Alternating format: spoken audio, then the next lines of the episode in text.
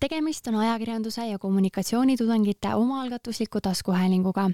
saates esitatud arvamused ei ole kooskõlastatud Ühiskonnateaduste Instituudi arvamustega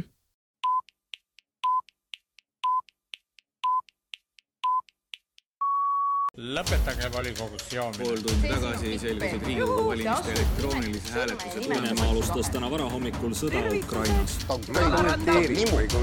kõige märksõna tuttavast päevast. tere tulemast! rahvusringhääling kahjustab Eestile mainet. Tere, hea kuulaja! tudengitel sünnitusmajast on siin tohutult hea meel tervitada siit Hubasest Ühiskonnateaduste Instituudi stuudiost kuulama Meediapalati kaheteistkümnendat episoodi. enne saatega alustamist tuleb üks asi ära õiendada. Martin, mäletad, ma eelmine saade siin mängisin selgeltnägijat ja panustasin, et mis võiksid olla järgmise saate teemad. nüüd tuleb mul väriseva hääle ja pettumust täis silmadega tunnistada, et ma panin ikka täiega puusse opositsiooni ja koalitsiooni vaheline vastasseis pole veel hoogu sisse saanud. Kaja Kallase skandaal pole samuti suuremat laiendust saanud ja me ei saa täna rääkida ka uuest peaministrist. ehk kõik kuulajad, ma väga vabandan ennatlike väidete ja ennustuste eest. minus pole ei Nõit Naastet ega Igor Mangu, sest tänased teemad ei kattu üldse nendega, mida me, mida ma suure joonest välja pakkusin. aga nii ehk ongi parem. Martin, räägi, mis teemad meil täna laual on ja mis veelgi olulisem, kes on meiega mikrofonide taha istunud? Tere ka minu poolt, väike kommunikatsiooninõks sulle, et mina näiteks ei mäletanud, et me selle ennustuse tegime, et kui sa poleks seda üles toonud, siis võib-olla sa ei oleks pidanud praegu vabandama. no näed äh,, strateegia oli jälle täielikult vale, ma vabandan kõikide ees selle halva strateegia eest. aga äh, meiega täna siin stuudios äh, meie kursakaaslased Ramona-Luisa Soro. tere, väga tore, et te kutsusite. ja Danil Martikainen Jarlikovski tere kõigile, see on minu esimene kord podcastides. ja täna me räägime äh, päris mitmel teemal äh,. esiteks äh, puudutame natuke uut uudistesaate formaati, millega siis TV3 äh, lagedale tuli.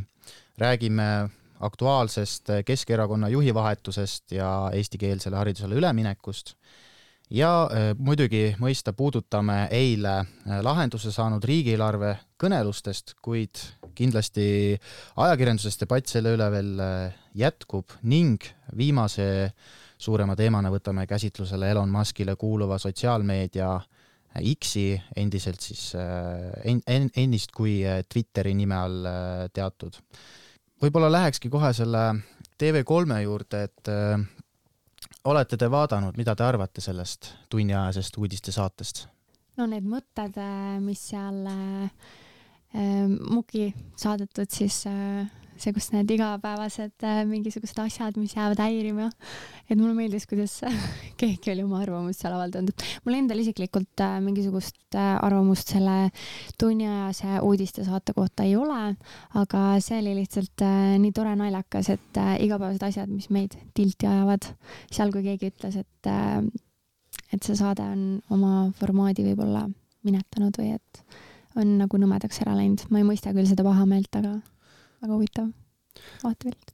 ja ma ütleksin, et see on küll suur saavutus, sest ma tean, kuidas see videoproduktsioon käib ja ma tean, et tundeaeg või tunniajaline video on nagu väga keeruline tehnilises osas, et see on omaette saavutus reaalselt, aga samas ma ei ole kindel, kuivõrd relevantne see saavutus on, kui me näeme tendentsi, et videod muutuvad lühemaks ja lühemaks, näiteks praegu kõige populaarsemad videod on alla minuti Tiktokis ja mitte tundeaega televisioonis jah, tegelikult ma olen nagu selles mõttes nõus, et noh, kui, kui on tunniajane uudistesaade, siis see võiks olla äh, tihedalt selle uudise, uudissisuga täidetud, et ma, mul olid tegelikult ootused olid suured, sellepärast et äh, ma ei tea, noh, kui kõvad, kõvasid, kõvad uudised tund aega ühes saates, siis minu meelest see oleks väga nauditav programm, aga aga seal on niimoodi, et ega see uudiste osa minu meelest väga palju pikemaks ei ole läinud, et esimene pool tundi samamoodi nagu varem uudised ja peale seda hakkab niisugune pool äh, PR-sisu, et äh, räägitakse seal koertest ja kassidest ja äh, siis äh, TV3 enda reporteri või ajakirjaniku hobusekasvatusest ja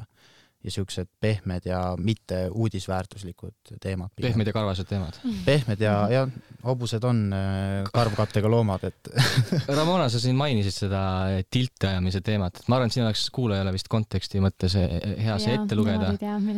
kuigi nagu muidugi mina seda ei lisanud, aga Mart, räägi ise, paneme pärast piiksud juurde. äh,. no kohe niimoodi, okei okay. äh,, no ma lisasin selle, sest et ma otsisin nagu, et kas on mingit nagu muud poleemikat ka, sest tegelikult ainuke uudis selle TV3 uudistesaate kohta oligi see, et Kroonika tegi intervjuu selle uudistejuhiga, kui ma õigesti mäletan, aga ma leidsin ühest äh, pokkeri foorumist siis postituse selle kohta, et äh, põhimõtteliselt seal foorumis oli äh, siis äh, teemaalgatused, igapäevased asjad, mis teid tilti ajavad ja siis üks äh, pokkerimängija oli kommenteerinud, et äh, noh, tõsiselt tüütu ja kuradi TV3 keeras ka oma uudistesaate p***s.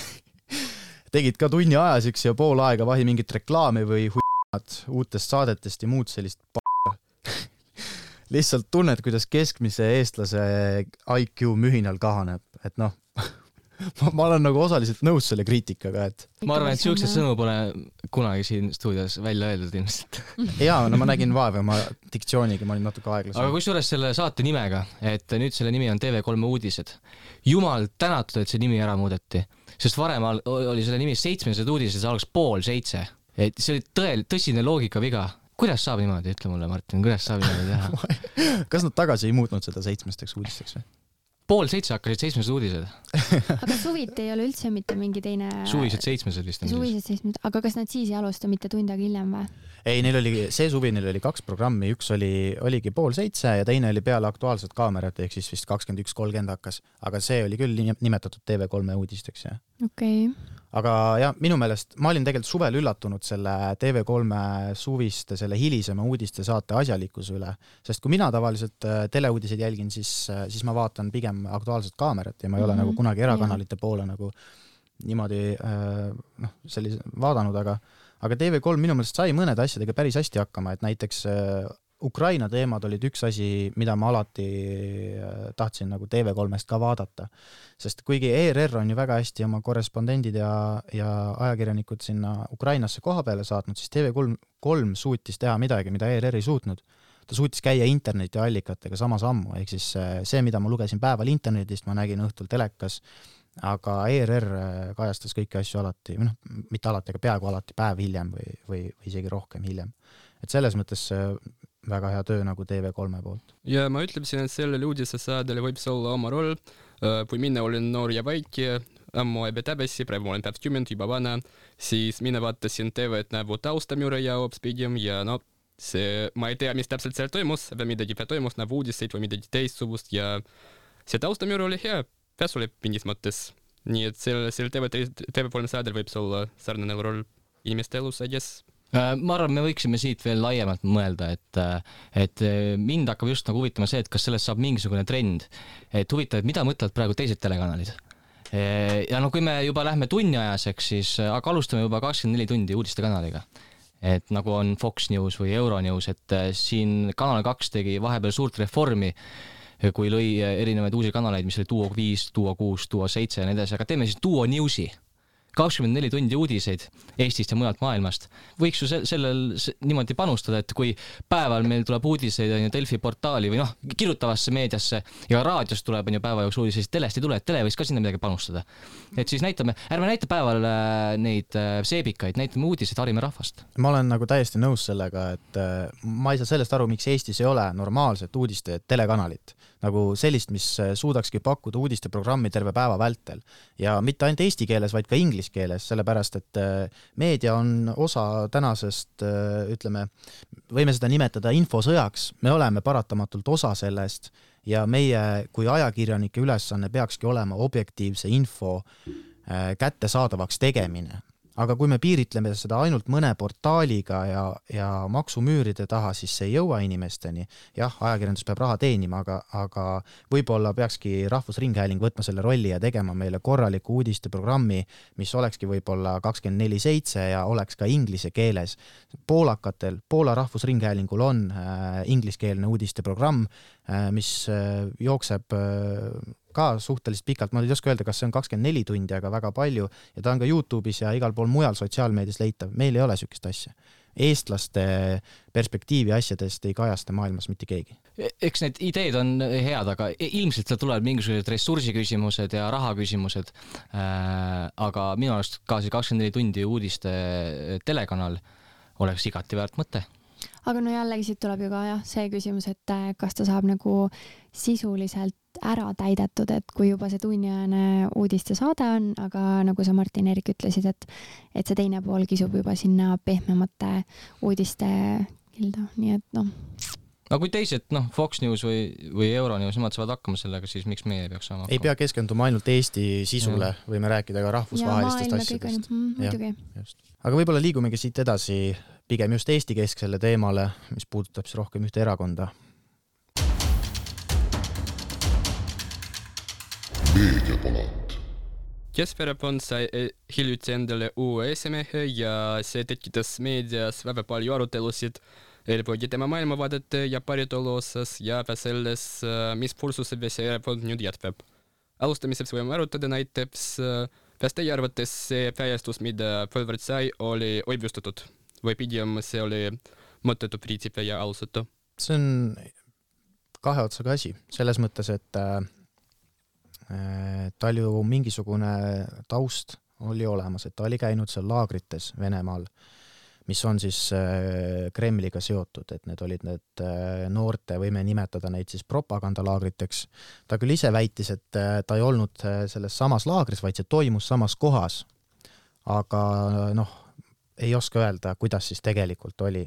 ja, ja ma tegelikult mõtlesin küll selle peale, et võib-olla see kriitika nagu selles mõttes oli alusetu, et ajakirjandus suhteliselt kohe võttis selle positsiooni, et äh, toimub mingisugune Vene pööre nii erakonnas kui Narvas. Äh, aga, aga kuidas need asjad tegelikult on, võib-olla siin on tegu sellega, et äh, avalikkus võib-olla ei tea päris kõike, mida, mida toimetustes teatakse või, või mida lähedal olevad inimesed teavad, sest see reaktsioon erakonnas seest on olnud niivõrd valulik et mingisugused asjad äh, peavad seal äh, üleval olema, mida meie lihtsalt äh, meediatarbijatena veel ei tea. No kui Postimees juba seal oma Keskpäevatunni saates räägib sellest, et Narva linnapea kukutamine oli Mihhail Kõlvarti esimene samm Keskerakonna siis venestam-, noh, venestamise suunal. et siis see näitab mingisugust hoiakut uue esimehe siis kohta samamoodi enne, äh, kui ei olnud veel äh, Mihhail Kõlvart esimeheks valitud, siis äh, mulle jäi küll selline mulje, et Tanel Kiik sai veidike rohkem tähelepanu meedias enne valimisi kui Mihhail Kõlvart see on mu enda subjektiivne arvamus, selles suhtes ma ei saa, ma ei ole lugenud kokku artikleid, kes kui palju kuskil sõna on saanud, aga mulle jäi selline mulje küll. Mihhail Kõlvartilt võeti pigem sellist mingit taustainfot, kus ta varasemalt on olnud või see, et kui ta Kaitseliidu seal, seal erakonna suvepäevadel käis Kaitseliidu vormis eks pigem sellise kaalutlusega Tanel Kiigelt rohkem küsiti sisulisemaid küsimusi võib-olla. et mulle jäi küll selline mulje ajakirjandusest. mulle jäi sama mulje, jah. Ja ma ütleksin, et äh, siiski ma usun, et see on vähemalt osaliselt toimustatud väestus, sellepärast et Põlvart Liiseps hääletas näiteks punemonumentide teiseldamise vastu ja see IP ütleb väga palju inimese, inimese maailmavaadete ja seisukohtade kohta. Ja samas äh, saan kinnitada, et Venemaal võib need noorte patriootlikud või mitte Vene slaavrid on kindlalt seotud valitsuse rahaga ja seega valitsuse poolt tuleva juhtimisega, nii et mul pigem ei ole kahtlusi, et Puste Päis võib-olla ta reaalselt ei teadnud, aga see oli laager kindlate, ütleme, propagandistlike eesmärkidega. aga ajakirjanduslikus mõttes äh, intervjuud ja kõik siuksed asjad on keskendunud pigem rahvusküsimustele. aga Kõlvart ise on korduvalt kinnitanud, et ei, meil ei ole mingisugust vastandumist ja isegi see väide käis läbi, et see rahvuspõhine konflikt, et see oli äh, fabritseeritud aga miks Jaanus Karilaid lahkus siis Keskerakonnast? Vot äh, see on, selles suhtes Jaanus Karilaid juba enne valimisi ütles selgelt välja selle, et kui Mihhail Kõlvart saab esimeheks, siis tema lahkub erakonnast. kui Mihhail Kõlvart sai esimeheks, siis ta ütles, et ma võtan nüüd kümme päeva aega, et mõelda, käib läbi kõik maakonnad, äh, uurib inimestelt ja siis lõpuks otsustas tõepoolest äh, siis liituda Isamaaga, sest et ta ei taha koostööd teha Kõlvarti, Yana Toomi ja keegi oli seal veel aga ma mõtlen seda, et, et võib-olla me olemegi liiga kriitilised tema suhtes, et ega ju selles suhtes Keskerakond ajab ka ju Eesti asja. selles suhtes, et ega erakond ei saa ajada mõne teise riigi asja Eestis. ja, ja nagu Mihhail Kõlvart on selgelt välja öelnud, siis see rahvusküsimus ei peaks olema probleem. sellepärast ta on, noh, ta, ta on ju, ta on ju ikkagi eestlane ei, selles mõttes era-, ei, aga erakond saab kahtlemata ajada mitte Eesti asju. selles mõttes, et äh, iga inimene saab ajada mitte Eesti asju, küsimus on, kui äh, seadus, kui, kui seaduslik see on. aga selles mõttes küll, et äh, ei ole ajakirjanduses tegelikult kõlanud tugevaid argumente, miks võtta kohe niisugune kriitiline hoiak, et ikkagi pigem see, mille baasilt on äh, see kajastamise rakurss nagu valitud, on olnud ikkagi mingi info põhjal, mida toimetustes teatakse, mis on nii-öelda off the record info, mida meie ei tea. et jah, need laagrid äh, on argument, samamoodi eestikeelsele haridusele vastu olemine on argument, aga neid põhjuseid, noh, laagri kohta ma ei oska öelda, aga selle hariduse vastu oleme, eestikeelse hariduse vastu olemise põhjuseid võib olla mitmeid. et me ei saa kindlalt väita, et, et see, et põhjus on ideoloogiline. võib-olla on põhjus selles, et ta lihtsalt soovib valijaid võita, ta soovib vene valijaid, noh, et selles mõttes vene valijatega on Eesti poliitikud alati eh, flirtinud ja siin ma pean võib-olla noh, natuke Kõlvartit kaitsma selles suhtes, et ta on seda väljendanud, et eestikeelsele haridusele üleminek, et see on liiga äkiline praegu, meil ei ole õpetajad, on tema põhi, põhiargument mis on tegelikult, ongi probleem, et meil ei olegi õpetajaid ja meil on õpetajaid vähe ja meil ei ole ka õpetajaid, kes õpetaksid õpetajaid. et see on minu arvates väga õige tähelepanek äh, aga ma ei ütleks selle põhjal, et ta nüüd täielikult eestikeelsele haridusele ülemineku vastu on ma ütleksin siiski, et äh, minu arvates Keskerakond on teinud väga palju küsitavaid asju, mis on pea üllataval moel avalikult teada. Näiteks see, et Yana Toom käis Venemaal ja kohtus valitsetud putinistiga, on väga üllatav, eriti arvestades seda, et tema on Euroopa Parlamendi saadik. ja no see on minu jaoks nagu absurdne, et Euroopa Parlamendi saadik sõja ajal käis Venemaal ja kohtus seal putinistidega ja veel kaitseb neid argumentidega, et see on kuidagi inimõiguste vastu või mida iganes ta veel seal välja mõtleb et pigem siiski on reaalselt teada, mis suunas need tipp-poliitikud erakonda tahavad juhtida ja seetõttu see valija astumine on üsna loogiline, et paistab, et äh, üks inimene lihtsalt ei, ei tahtnud enne, ennast äh, siduda selle erakonnaga enam. aga samas ajakirjandus Yana Toomi käigule ei reageerinud eriti valulikult. sellele ei järgnenud suurt skandaali. et yeah et äh, Mustoneni Venemaal äh, käigule järgnes palju suurem meediavaht kui äh, sellele, et Yana Toom käis Venemaal. et ma ei tea, minu meelest kuidagi natuke on vildakas see. et noh, kui Yana Toom oleks kandideerinud Keskerakonna esimeheks, kuidas siis oleks ajakirjandus reageerinud? nojah, Toom ütles seda, et käis Venemaal oma õde külastamas, et, et see on see perekondlike suhete teema. see on siiski väga noor õigustus, arvestades olukorda tervikuna ma arvan, et ta saab siis äkki oodata paar aastat, kui noh, kui tal on reaalselt seal sublust olemas ka. selles mõttes jah, poliitikul on teatav vastutus, kui ta on sellise ameti endale valinud. eriti veel Europarlamendis. just. ma võin öelda nii palju ülemineku kohta, et see on üllatav, et kolmkümmend aastat on juba möödunud taasiseseisvumisest ja see ei ole veel ära tehtud. ja ma loodaks küll, et see on lõpuks ära tehtud nüüd ja mitte veel viis, viieteistkümne aasta pärast või noh, ma ei tea, missugust viivitust saavad veel välja mõelda et ma arvan, et lõpuks tuleb juba ära teha, oleks nagu loogiline. ja tuletasin meelde, et Venemaal enamikul põlisrahvastest ei ole mitte mingit õigust äh, õppimisele oma emakeeles, nii et äh, venelased saavad minna Venemaale ja õppida emakeeles seal, kui neid see nii palju riivab. no vot jah, seda küll, Tallinnas üks kool, kus äh, kunagi, noh, oli sõpruskool meil, et äh, selles mõttes nemadki õppisid täielikult eesti keelt ja tegelikult polnud eesti keel neil nagu sõnakestki suus, aga ometi jagati neile seal viitesid ja noh, häid hindeid. et siit nagu ongi see küsitavuse koht, et, et kui meil on see eestikeelne õpe, siis kas ja kuidas seda siis teha niimoodi, et päriselt need eesti keele õpet saavad vene lapsed kes on tegelikult ju eestlased, et nad ka päriselt äh, saavad selle keele suhu. sest mina nagu isiklikult, mulle väga meeldib vene keel, vene keel on väga ilus keel, mulle nii meeldib Daniel, et sa, et sa räägid nii tublisti, meil on tegelikult kursusel nagu veelgi neid äh, õpilasi, kes äh, pole, kelle emakeel pole eesti keel, aga ometi nad tohutult püüavad seda rääkida, et, et see eestikeelsele haridusele üleminek, kas te nagu tunnete, et meil päriselt oleks seda vaja? Või no okei okay,, me oleme ajakirjanikud, me ei saa päris enda arvamust siin pelgalt ei, sellel teemal ilmselt võib eestikeelse hariduse üleminekut on väga vaja, sellepärast et äh, nad ju elavad ikkagi Eestis mm -hmm. ja Eestis on töökeel on eesti keel. ja riigi, riigikeel on jah, asjaajamise keel on eesti keel, seda on ilmselgelt vaja. ja sellega on vaja alustada jõuliselt selles mõttes, et me peame alustama juba selles mõttes rohujuure tasandilt, et see, et see eesti keele õpe toimiks, siis peab ju alustama juba lasteaiast ja juba alustatigi noh, kodust on ju hea küll, räägivad kodus vene keeles, nad on harjunud rääkima kodus vene keeles, vanemad ei oska eesti keelt, siis vähemalt nad lasteaias või koolis saavad selle eesti keele kogemuse kätte. selles mõttes on küll väga õige, et muidugi peab eesti keelele, eestikeelsele haridusele üle minema. ja ma arvan, et venelased peavad aru saama, et äh, kui nad ei õpi eesti keelt, siis kannatavad eelkõige nemad ise, mitte keegi teine, et kui nemad ei õpi eesti keelt, siis nemad ei saa ülikooli minna mm. -hmm. paremat töökohta saada, töökohta saada. See on eelkõige nagu nende vastutus ja tagajärjed puudutavad eelkõige neid, et nagu riik sellest ei võita, riik sellest peab jaotab, aga noh, see on isi, siiski nende huvides ja mind üllatab, et neil nagu ei ole seda aru saama. aga samas võta nüüd näpust, neil on nii lihtne ja mugav, nad lähevad äh, poodi või kuhugi ja teeninduskultuuris tegelikult äh, eeldatakse teenindajatelt, et nad oskavad nii inglise kui vene keelt lisaks eesti keelele. ehk kui mulle tulebki, kas siis äh, minu kodumaal tulebki vene rahvusest äh, kodanik, kes on ka tegelikult võib-olla eestlane onju, kui ta vestleb minuga vene keeles ja ta ütleb, et ta ei saagi aru vene, noh eesti keelest, siis ta ootab minult, et ma temaga hakkaksin vene keeles rääkima ja ma tulen talle vastu ja ma räägingi temaga vene keeles.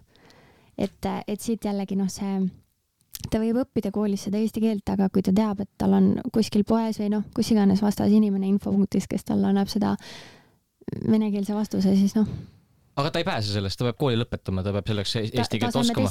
ehk siis ongi see ju, et äh, kui praegu jah, tõepoolest äh, nõutakse ka klienditeenindajalt vene keele oskust, siis see, et äh, koolis on eestikeelne haridus kohustuslik ju tegelikult pehmendab seda olukorda, et meil on vaja, et kõik oskaksid ka vene keelt. sellepärast, et kui, no muidugi see protsess võtab aega ja see võtab pikalt aega, aga lõpuks see tähendab ju seda, et kui kõik on saanud Eestis, Eesti riigi kodanikud on saanud Eestis eestikeelset haridust, siis seda vene keelt ka Eestis nii palju ei kohta. ei nõutaks ka jah. ja kui rääkida natuke ajakirjanduse rollist selles kõiges, siis äh, noh, siin on vahepeal räägitud sellest, et Ida-Virumaale peaks saatma nii-öelda eriesindaja riigi poolt. aga noh, see idee on saanud nii kriitikat, kui, kui seda on kiidetud, aga võib-olla see on varem tehtud. Ja jah, aga võib-olla ajakirjandus peaks olema see eriesindaja, võib-olla ajakirjandus peaks oma silmad suunama sinna, et nagu me näeme, siis ajakirjandus on võimalik, võimeline ennast kokku võtma. Kaja Kallase skandaal seda tõestas, et suudetakse välja kaevata igasuguseid asju ja, ja, ja tegelikult suudetakse teha kvaliteetset ajakirjandust. aga et võib-olla peaks sedasama asja tegema selles protsessis, kus reaalsus on see, et Narvas on toimunud võimupööre, on ju, seal on äh, enamuse haaranud inimesed, kes äh, tahavad, et äh, tänavatel säiliksid nagu puna äh, jutumärkides kangelaste nimed siis. et see, et selles kontekstis ongi võib-olla ajakirjanduse roll see, et ajakirjandus saab sellele rohkem tähelepanu pöörata, otsida välja neid asju, et kui Katri Raik võeti maha peamiselt nende tänavanimede tõttu, aga teisalt ka mingisugust, hakati väitma, et tal on mingisugused sidemed selle MTÜ-dega, kus ta ise mingisugust tulu saab, ma olen täiesti kindel, et keskmine Narva ütleme, Kolka küla oligarhil on äh, päris palju igasuguseid kahtlaseid sidemeid, mida annab äh, välja uurida. et äh, kahtlemata on seal nagu tööpõld lai. see on lihtsalt üks võte, mida poliitikud kasutavad, et see, et ta selle MTÜ-d, ta on seal Narva haiglaga seotud ja tal on veel asju jah, ta on nendega seotud, aga, aga ta ei ole iseennast sinna surunud, selles mõttes ta on sinna, sinna võetud, ehk siis kui ta oleks ise läinud sinna nõukogudesse, siis oleks sellega juba kapo tegelenud selles suhtes, et äh, siis on selge nagu huvide konflikt, et kui sa oled linnapea ja samal ajal ka mingisugust nõukogude liige on ju, aga ta on sinna valitud igale poole. Äh, ja ajakirjanduse selle rolli koha pealt äh, praegu, kui see võimupööre toimus, kui loodi uus koalitsioon ja linnapea Katrin Raik, Katri Raik äh, eemaldati linnapea positsioonilt, siis ju kajastati seda, kuidas inimesed tulid linnavalitsuse ette Katri Raiki toetama pakkusid talle lilli, Delfi tegi isegi videoloo sellest, Brent Pere, kes nüüd on Delfisse läinud, tegi videoloo sellest. et seda kajastati väga palju ja see näitab, näitabki tegelikult seda ajakirjanduse rolli äh, laiemalt siis Ida-Virumaal ja venekeelse elanikkonna ja Narva, Narva kontekstis. jah, kui ma ei eksi, siis ka Aktuaalse Kaamera uudistesaate lõpetas klipp sellest. meediapalat, Äh, kui veel paar nädalat tagasi, paar nädalat tagasi oli õhus kartus, et äh, peaministri abikaasa idavedude skandaali tõttu ei saa ajakirjanduses piisavalt kõneainet riigieelarve, siis eelmisel ja ka sel nädalal tuleb tunnistada, et äh, ajalehtede esiveerud räägivad just sellest kurikuulsast riigieelarvest ja sellest strateegiast muidugi ei ole meie rahandusministeeriumi ametnikud ega ka poliitikud, kes riigieelarve kõnelustel, kõnelustel uhkes äh, Vihula mõisas enne nädalavahetust käisid, vaid me oleme ajakirjandustudengid, mistõttu äh, vaatame siis, kuidas seda kõike meil kajastati. et siin äh, poliitikud Vihula läbirääkimiste käigus viskasid või noh, jah, viskasid ajakirjandusele ette igasuguseid vihjeid mingisugustest ideedest, mingisugustest äh, muudatustest, tuluallikatest, aga täpsemalt ei söandunud öelda, mis need olid. ja siit nagu tekib nagu see, et äh, mis siis on ajakirjanduse roll selle protsessi juures, kas ajakirjandus peaks kõike teadma, mida seal laua taga räägitakse või mitte? oleneb, mida seal räägitakse riigieelarve kokkupanemisest. ja, ja, ja ei, selles mõttes äh, sarnane olukord koalitsioonikõnelustele, kus ajakirjanikud eh, hüäänide kombel eh, seisid vihma käes väljas, noh, okei okay,, tegelikult nii ei olnud, aga, aga selles mõttes, et jah, suure, suurt midagi ei avalikustatud nende eelarvekõneluste käigus, aga minu meelest see ei ole otseselt halb. sellepärast, et kui see avaldataks, siis vaadates praegust üldist Eesti sisepoliitilist olukorda, sul ei ole võimalik mitte mingisugust disk-, diskussiooni avalikult pidada. et kui sa midagi avaldad, siis sellest ha haaratakse kohe kinni ja see materdatakse maha, isegi kui tegu on mõistliku ideega. selles mõttes maksuküsimustes äh, me ei saavuta kunagi konsensust ühiskonnana et seal lihtsalt äh, mingil hetkel peabki demokraat-, demokraatlikul teel valitud enamus peab tegema mingisugused muudatused ära, et me saaks selle riigiga üldse edasi liikuda.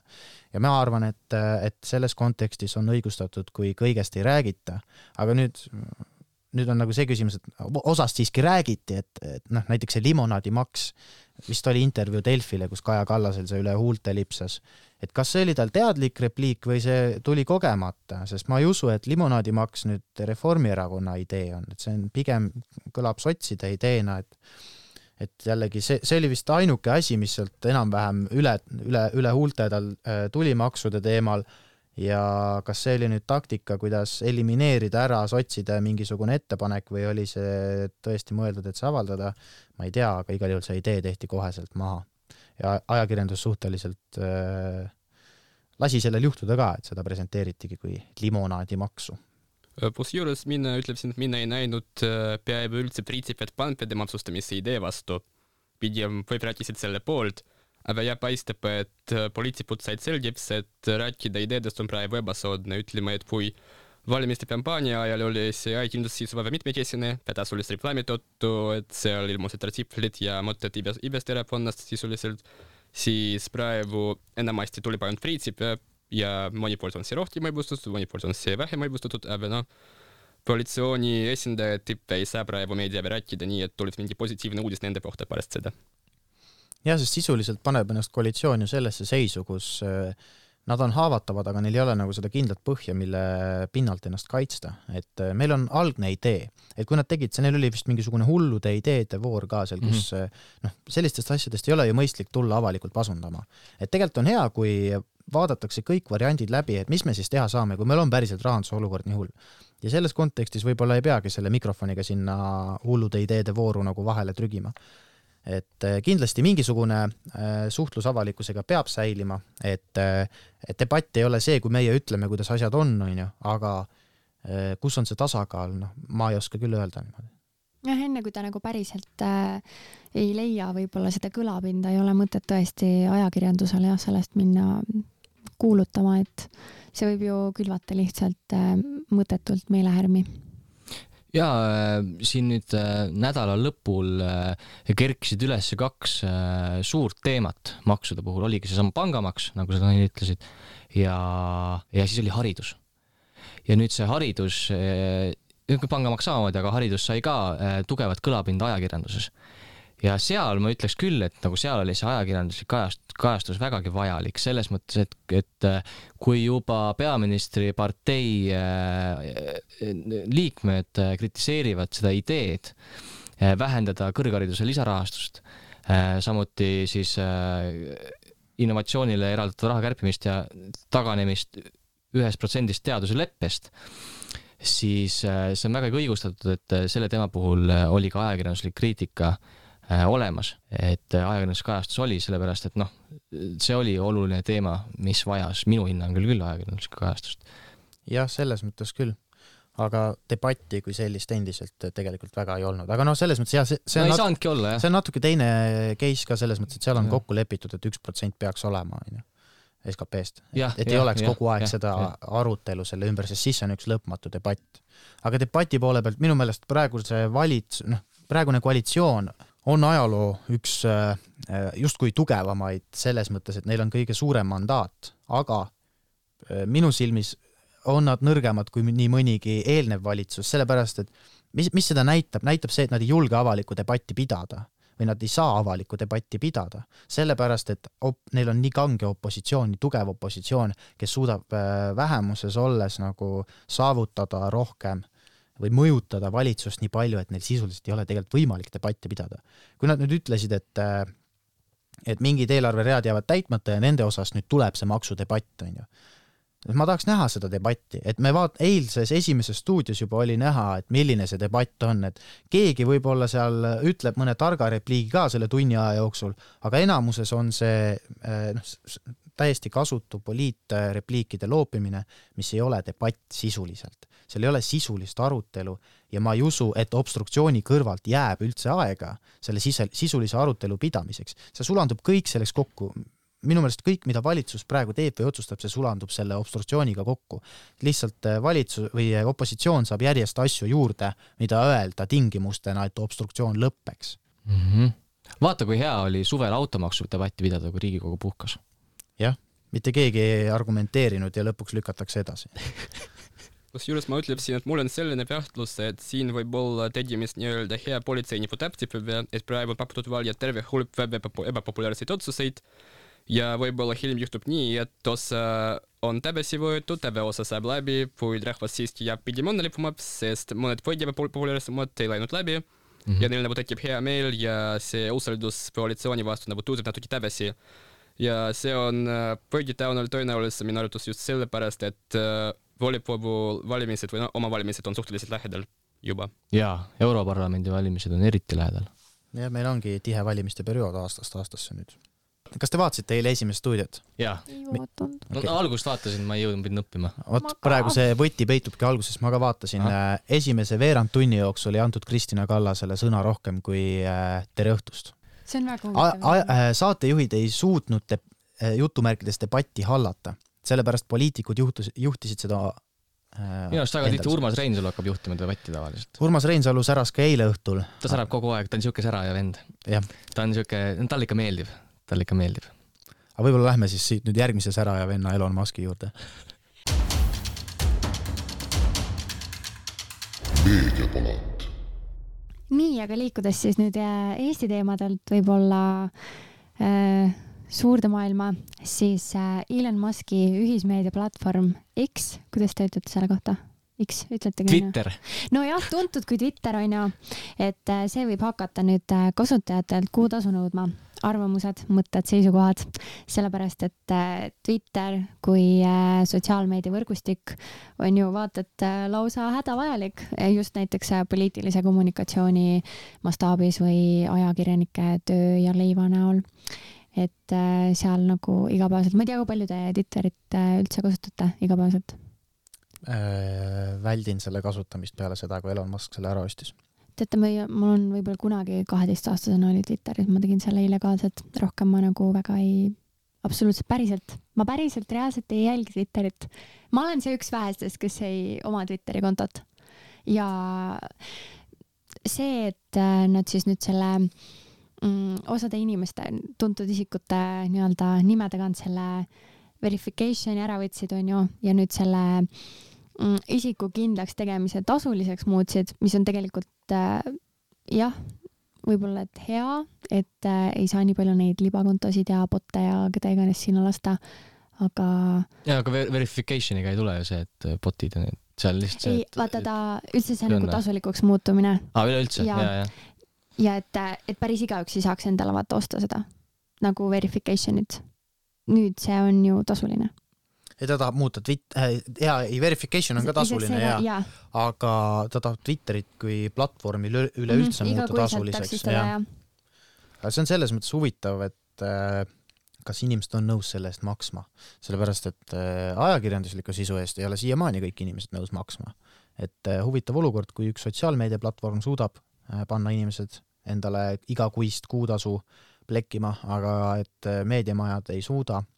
Et ma ei tea, kelle otsa peaks vaatama ja küsima, et mis värk on. ma just nagu mõtlengi seda, et poliittegelased, kes nagu nii avalikult äh, diskuteerivad seal ja põrgatavad seda palli võib-olla ühelt teisele onju, et äh, miks nad peaksid Twitteris, no noh, nendel ei ole ilmselt kindlasti keeruline seda kuskilt rahakotist maksta, aga kui nende jälgijaskond võib-olla kolib üle siis Facebooki või Instagrami, siis neil on ju palju lihtsam ja odavam teha seal neid äh, pikki postitusi ja mõttekõlkse lasta välja.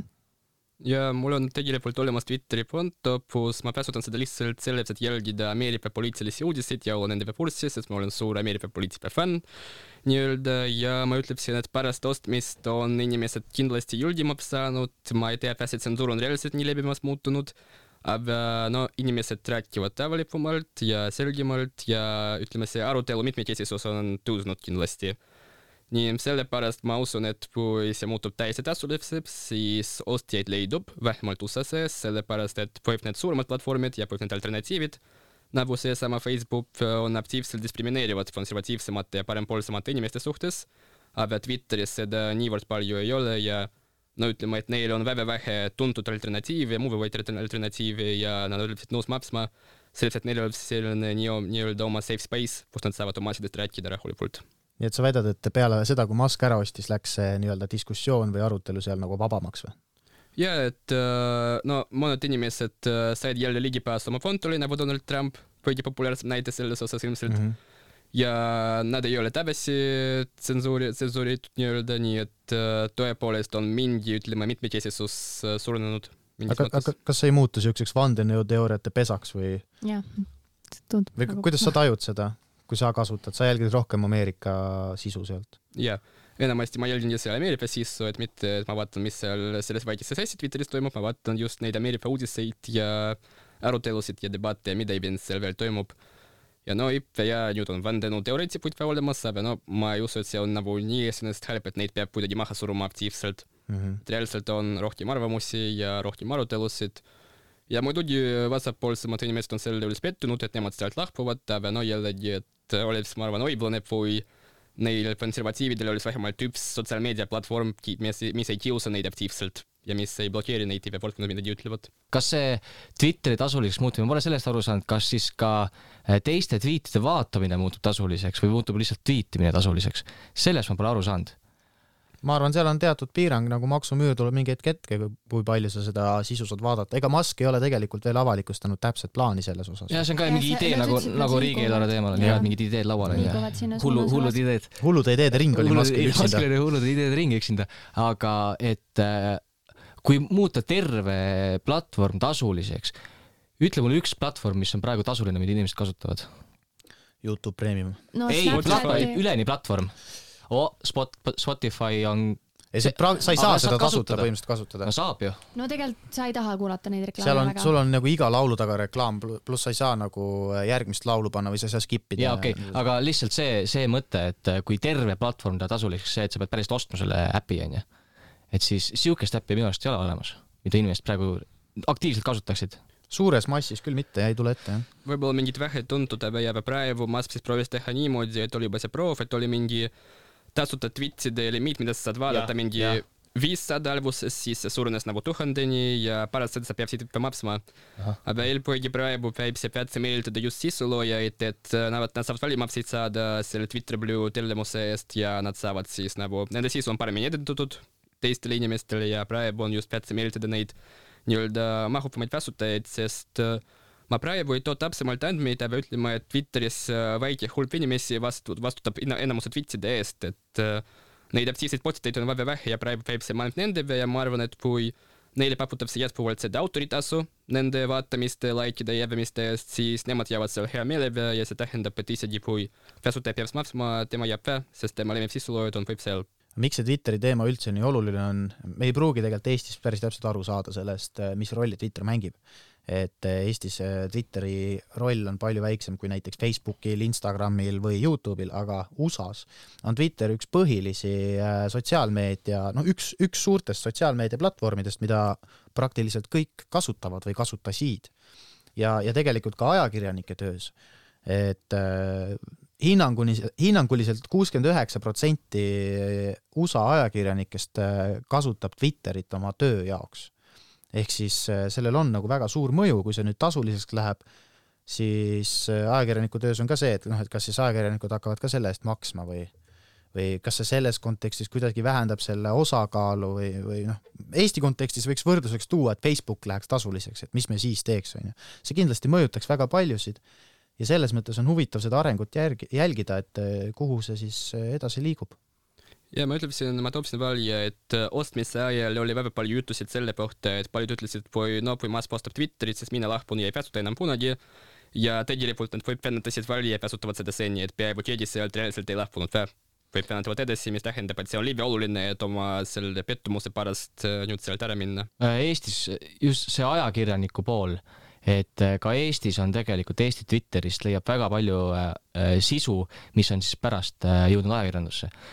Näiteks äh, ma mäletan väga hästi, kui see Pere Sihtkapital tegi seda uuringut läbi mm, -hmm. siis terve Twitter kihas sellest, et näe, mulle saadeti sihuke uuring ja kõike seda ammu enne seda, kui sellest üldse mingi nagu teema tekkis see oli suve alguses siis onju ja kuskil hiljem alles tuli see nagu äh, laiema noh ajakirjandusse, et nagu ilmselgelt on äh, kõikidel sotsiaalmeedia platvormidel oluline roll ajakirjaniku töös jah, ja Ukraina uudistel samamoodi, et sul on kaks põhilist kanalit, kus sa infot saad, Telegram ja Twitter.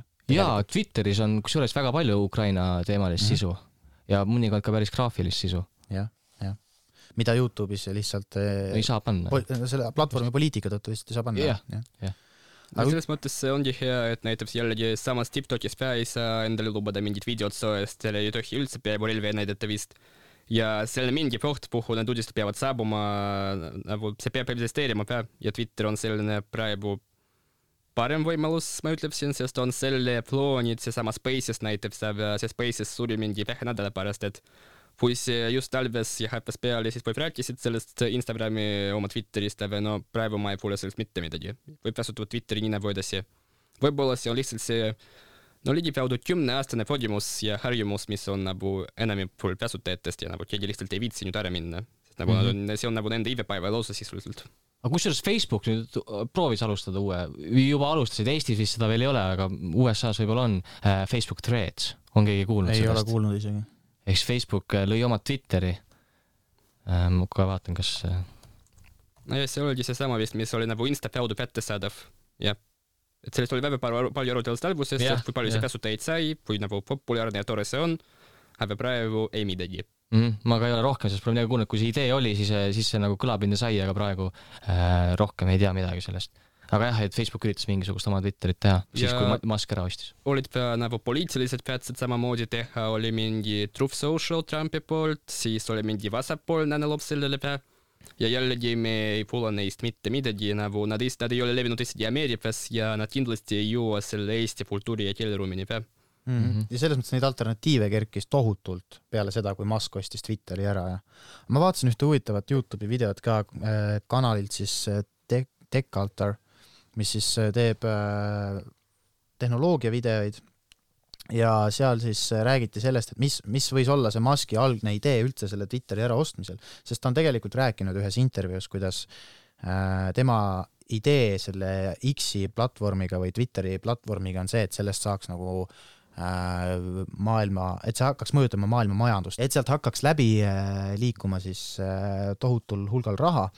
Et noh, see on veits PayPali sarnane, et Musk oli PayPali asutamise juures ka, aga see point sellel videol oli siis see, et Hiinas on niisugune äpp nagu WeChat, mis siis on, mida nimetatakse siis superäpiks, mis tähendab seda, et seal selles ühe äpi sees on sul tohutult palju teisi rakendusi. et noh, meie mõistes see oleks nagu eraldi operatsioonsüsteem aga reaalsus on see, et sa tõmbadki selle WeChati alla, sul ei ole mitte ühtegi teist äppi telefoni vaja, sest sa saad sealt WeChatist endale toitu tellida, saad pangaülekandeid teha, saad poes maksta äh,, noh, mida iganes sa ette kujutad. ja tänaseks on need mahud kasvanud nii suureks, et sellel ühel Hiina äpil on rohkem äh, minirakendusi kui näiteks äh, Google Play'l või Apple Store'il äh, siis äh, rakendusi on. Noh, üks, ennustatigi, et, et see võib olla üks Musk'i idee selle intervjuu põhjal, et noh, see, tähendaks seda, et sealt hakkaks tohutul hulgal raha läbi äh,, läbi äh, liikuma.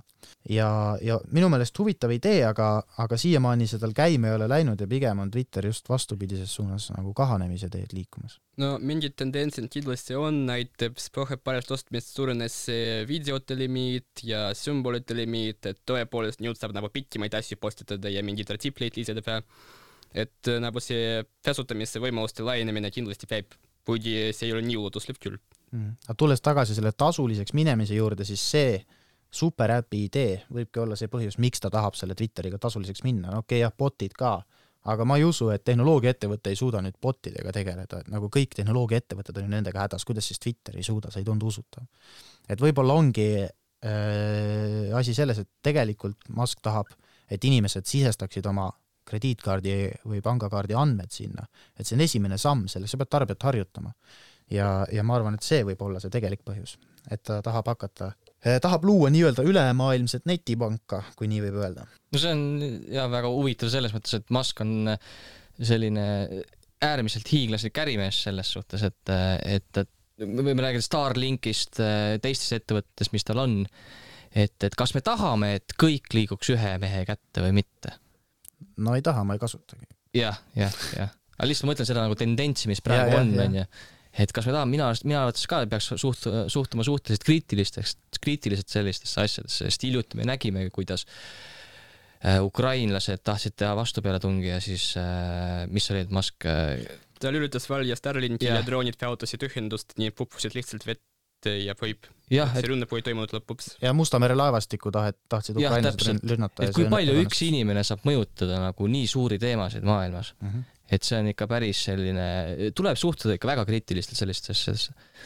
teine asi on andmeküsimus, hiljuti Eestis oli ka üks andmekeskne skandaal, et lihtsalt üks soovitus, et kui sa tarbid ükskõik milliseid platvorme, siis mõtle selle peale, et su andmed oleks jagatud, et sa ei võtaks samalt teenusepakkujalt näiteks emaili ja Youtube'i, et sa ei kasutaks oma põhisotsiaalmeedia platvormina sama öö, ettevõtja Äh, siis platvormi, kelle telefon sul näiteks on. sa saad ise tegelikult väga palju ära teha selleks, et ettevõtted ei omaks sinu täisprofiili või sinu andmeprofiili.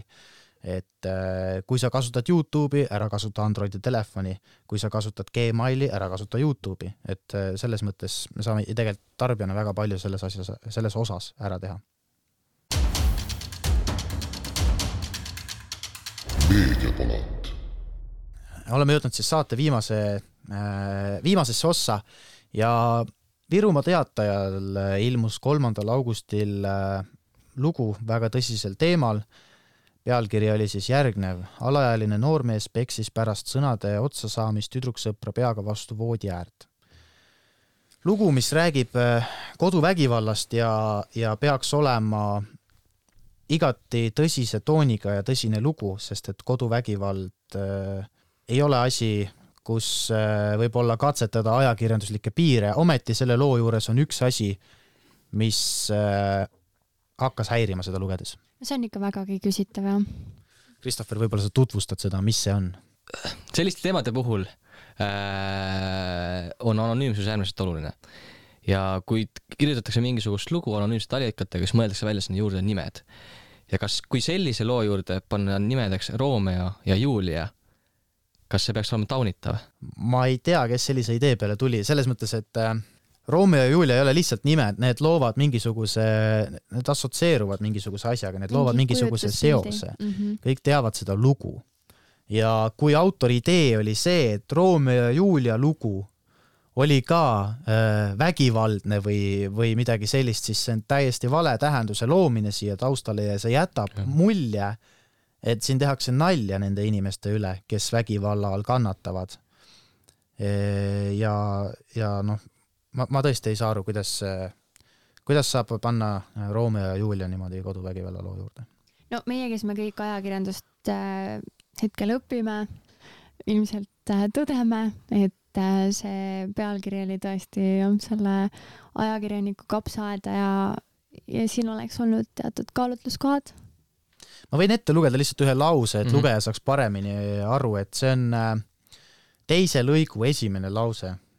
Alaealine Romeo, nimi muudetud, tähistas oma elukohas kahe tuhande kahekümne kolmanda aasta saabumist, kui peale sü-, südaööd tuli talle külla temaga juba kaks aastat suhtes olnud Julia, nimi muudetud muude asjade hulgas võeti arutlusele ka omavaheline paarisuhe. noormees tabas tundepuhang, mille käigus sõnad said otsa ja appi võeti käed. kuidas on see seotud Romeo ja Juliaga ja miks siin on nimed Romeo ja Julia? Mind jäi väga häirima ka praegu see, et appi võeti ka käed. see on, sa nagu jutustaksid mulle mingisugust muinasjuttu sellest, kuidas äh, keegi peksis kedagi. ma ei tea, kus siin toimetaja silmad on olnud või mida nad seal teinud on, aga see äh, ei ole kohe kindlasti sobilik viis sellise äh, raske teema kajastamiseks. kusjuures see tõmbas sinu tähelepanu ja paljude teiste lugejate tähelepanu, et selles mõttes võib-olla rohkem inimesi lugesid äh, loo va- vägivallast lõpuni sellepärast, et neil olid seal need no ütleme, ülituntud nimed ja pigem äh, ma ei tea, mis täpselt see mõtlemise protsess ajakirjanikul oli, aga ma eeldan, et ta mõtles selle suhete ja armastuse teema peale ja noorte armastuse peale eriti ja järeldas seda, tuntud nimed. et nagu see on selline väga levinud assotsiatsioon ja sest hästi mürgine suhe see tundub tõesti, aga, aga Romeo ja Julia ei ole kindlasti jah need, need. see ei ole ajakirjaniku asi anda hinnangut kellegi suhtele või kui mürgine mm -hmm. see on. jaa et kahtlemata vägivald eh, näitab seda, et suhe ei ole heas seisus absoluutselt, aga see ei ole ajakirjaniku asi ül- üldse mingisugust hinnangut anda ja selliste nimede valik annab hinnangu. ja täiesti kuidagi nii vale nagu nurga alt, et noh, sa ütlesid, et see kõlab nagu keegi jutustaks sulle mingisugust lugu, aga kui sa teed sellest uudise, siis sa pead igal juhul kaitsma seda ohvrit. praegusel juhul, kui ta ütles, et appi võeti ka käed, siis see kõlab nagu see, kes need käed reaalselt appi võttis, oleks olnud see, kes vajas abi. mille jaoks võeti appi käed no, et anda tugevam hoop või nagu mis see, mille jaoks appi? ja see ongi täpselt see, et äh, tänu kätele äh,, käte tõttu või nagu noh, vaata see eesti keel ja, Jah. ja siin tuleb praegu see mõte välja, et nii raske olukord oli, et ta pidi käed lihtsalt appi võtma, et naisele kallale minema. Et isegi see lõik, mis sa Martin ette lugesid, et peale seda on nagu veel äh, millest räigem lõik, mida ma ei hakka ette, ette lugema, et siin nagu äh, võetakse detailideni lahti see äh,, kuidas Juliat siis tütarlast pekstakse. Et et noh, ja see on see, et siin kogu aeg igas lauses on kajastatud siis kas Romeo või Julia nimi, see tekitab jah, seda muinasjutu narratiivi kuidagi ja sa hakkad mõtlema, sul hakkab paralleelselt peas käima see mm. -hmm. aga minu meelest üks väga tabav kommentaar, sellel lool on päris mitu kommentaari, aga üks, mille siis üks lugeja postitas. kas see on mingi uuema aja kohtu anekdoot? ja ma arvan, et see küsimus võtab suht hästi selle teema kokku, et ajakirjanik ei ole oma tööga hakkama saanud. ei oska öelda, kas ta on tekitanud kahju, aga kindlasti ei ole selline teemakäsitlus eetiline. kui sina oled selle ohvri rollis ja sinust ilmub selline lugu, esiteks, kas sa tahad, et äh, kõik lugejad teaksid täpselt, kui mitu korda su pead löödi sinna voodi ääre vastu, et nagu juba see nii isiklikuks minemine on hästi küsitav minu meelest, et sa kajastad seda, et ahah, juhtus see karistus, aga, aga et nii detailselt võib-olla või detaili täpselt ei oleks vaja isegi seda meediasse lasta, mina arvan. see on val-, ütleme vaidluste koht, jah mm. -hmm. Meediapalat kuna saate on nii pikalt äh, käinud, siis ärme siis Brigittes on äh, hundi väidetavastest kunstrindadest hakkasin rääkima täpsemalt. milline üleminek? see oli nii sujuv ühesõnaga, siit on lihtsalt kõigile mõttekoht, ajakirjanikele eriti. kuidas midagi kajastada ja me ei räägi Brigitte dissidest. ma ei tahtnud, ma ütlesingi, et me ei räägi sellest. suur aitäh, hea kuulaja, et lõpuni välja kannatasid Äh, järjekordne episood on purgis ja mine vaata üle meie sotsiaalmeedia, Facebook ja Instagram ning äh, kõiki eelnevaid saateid saad järele kuulata Spotify's, Google podcastis, Apple podcastis ja eelmist hooaega ka Youtube'is.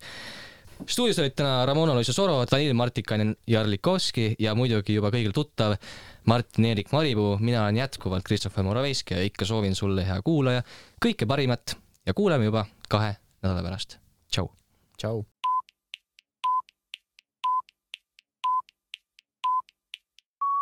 Lõpetage volikogus pool joomine. tundi tagasi selgus, et Riigikogu valimiste elektroonilise hääletuse Venemaa alustas täna varahommikul sõda Ukrainas.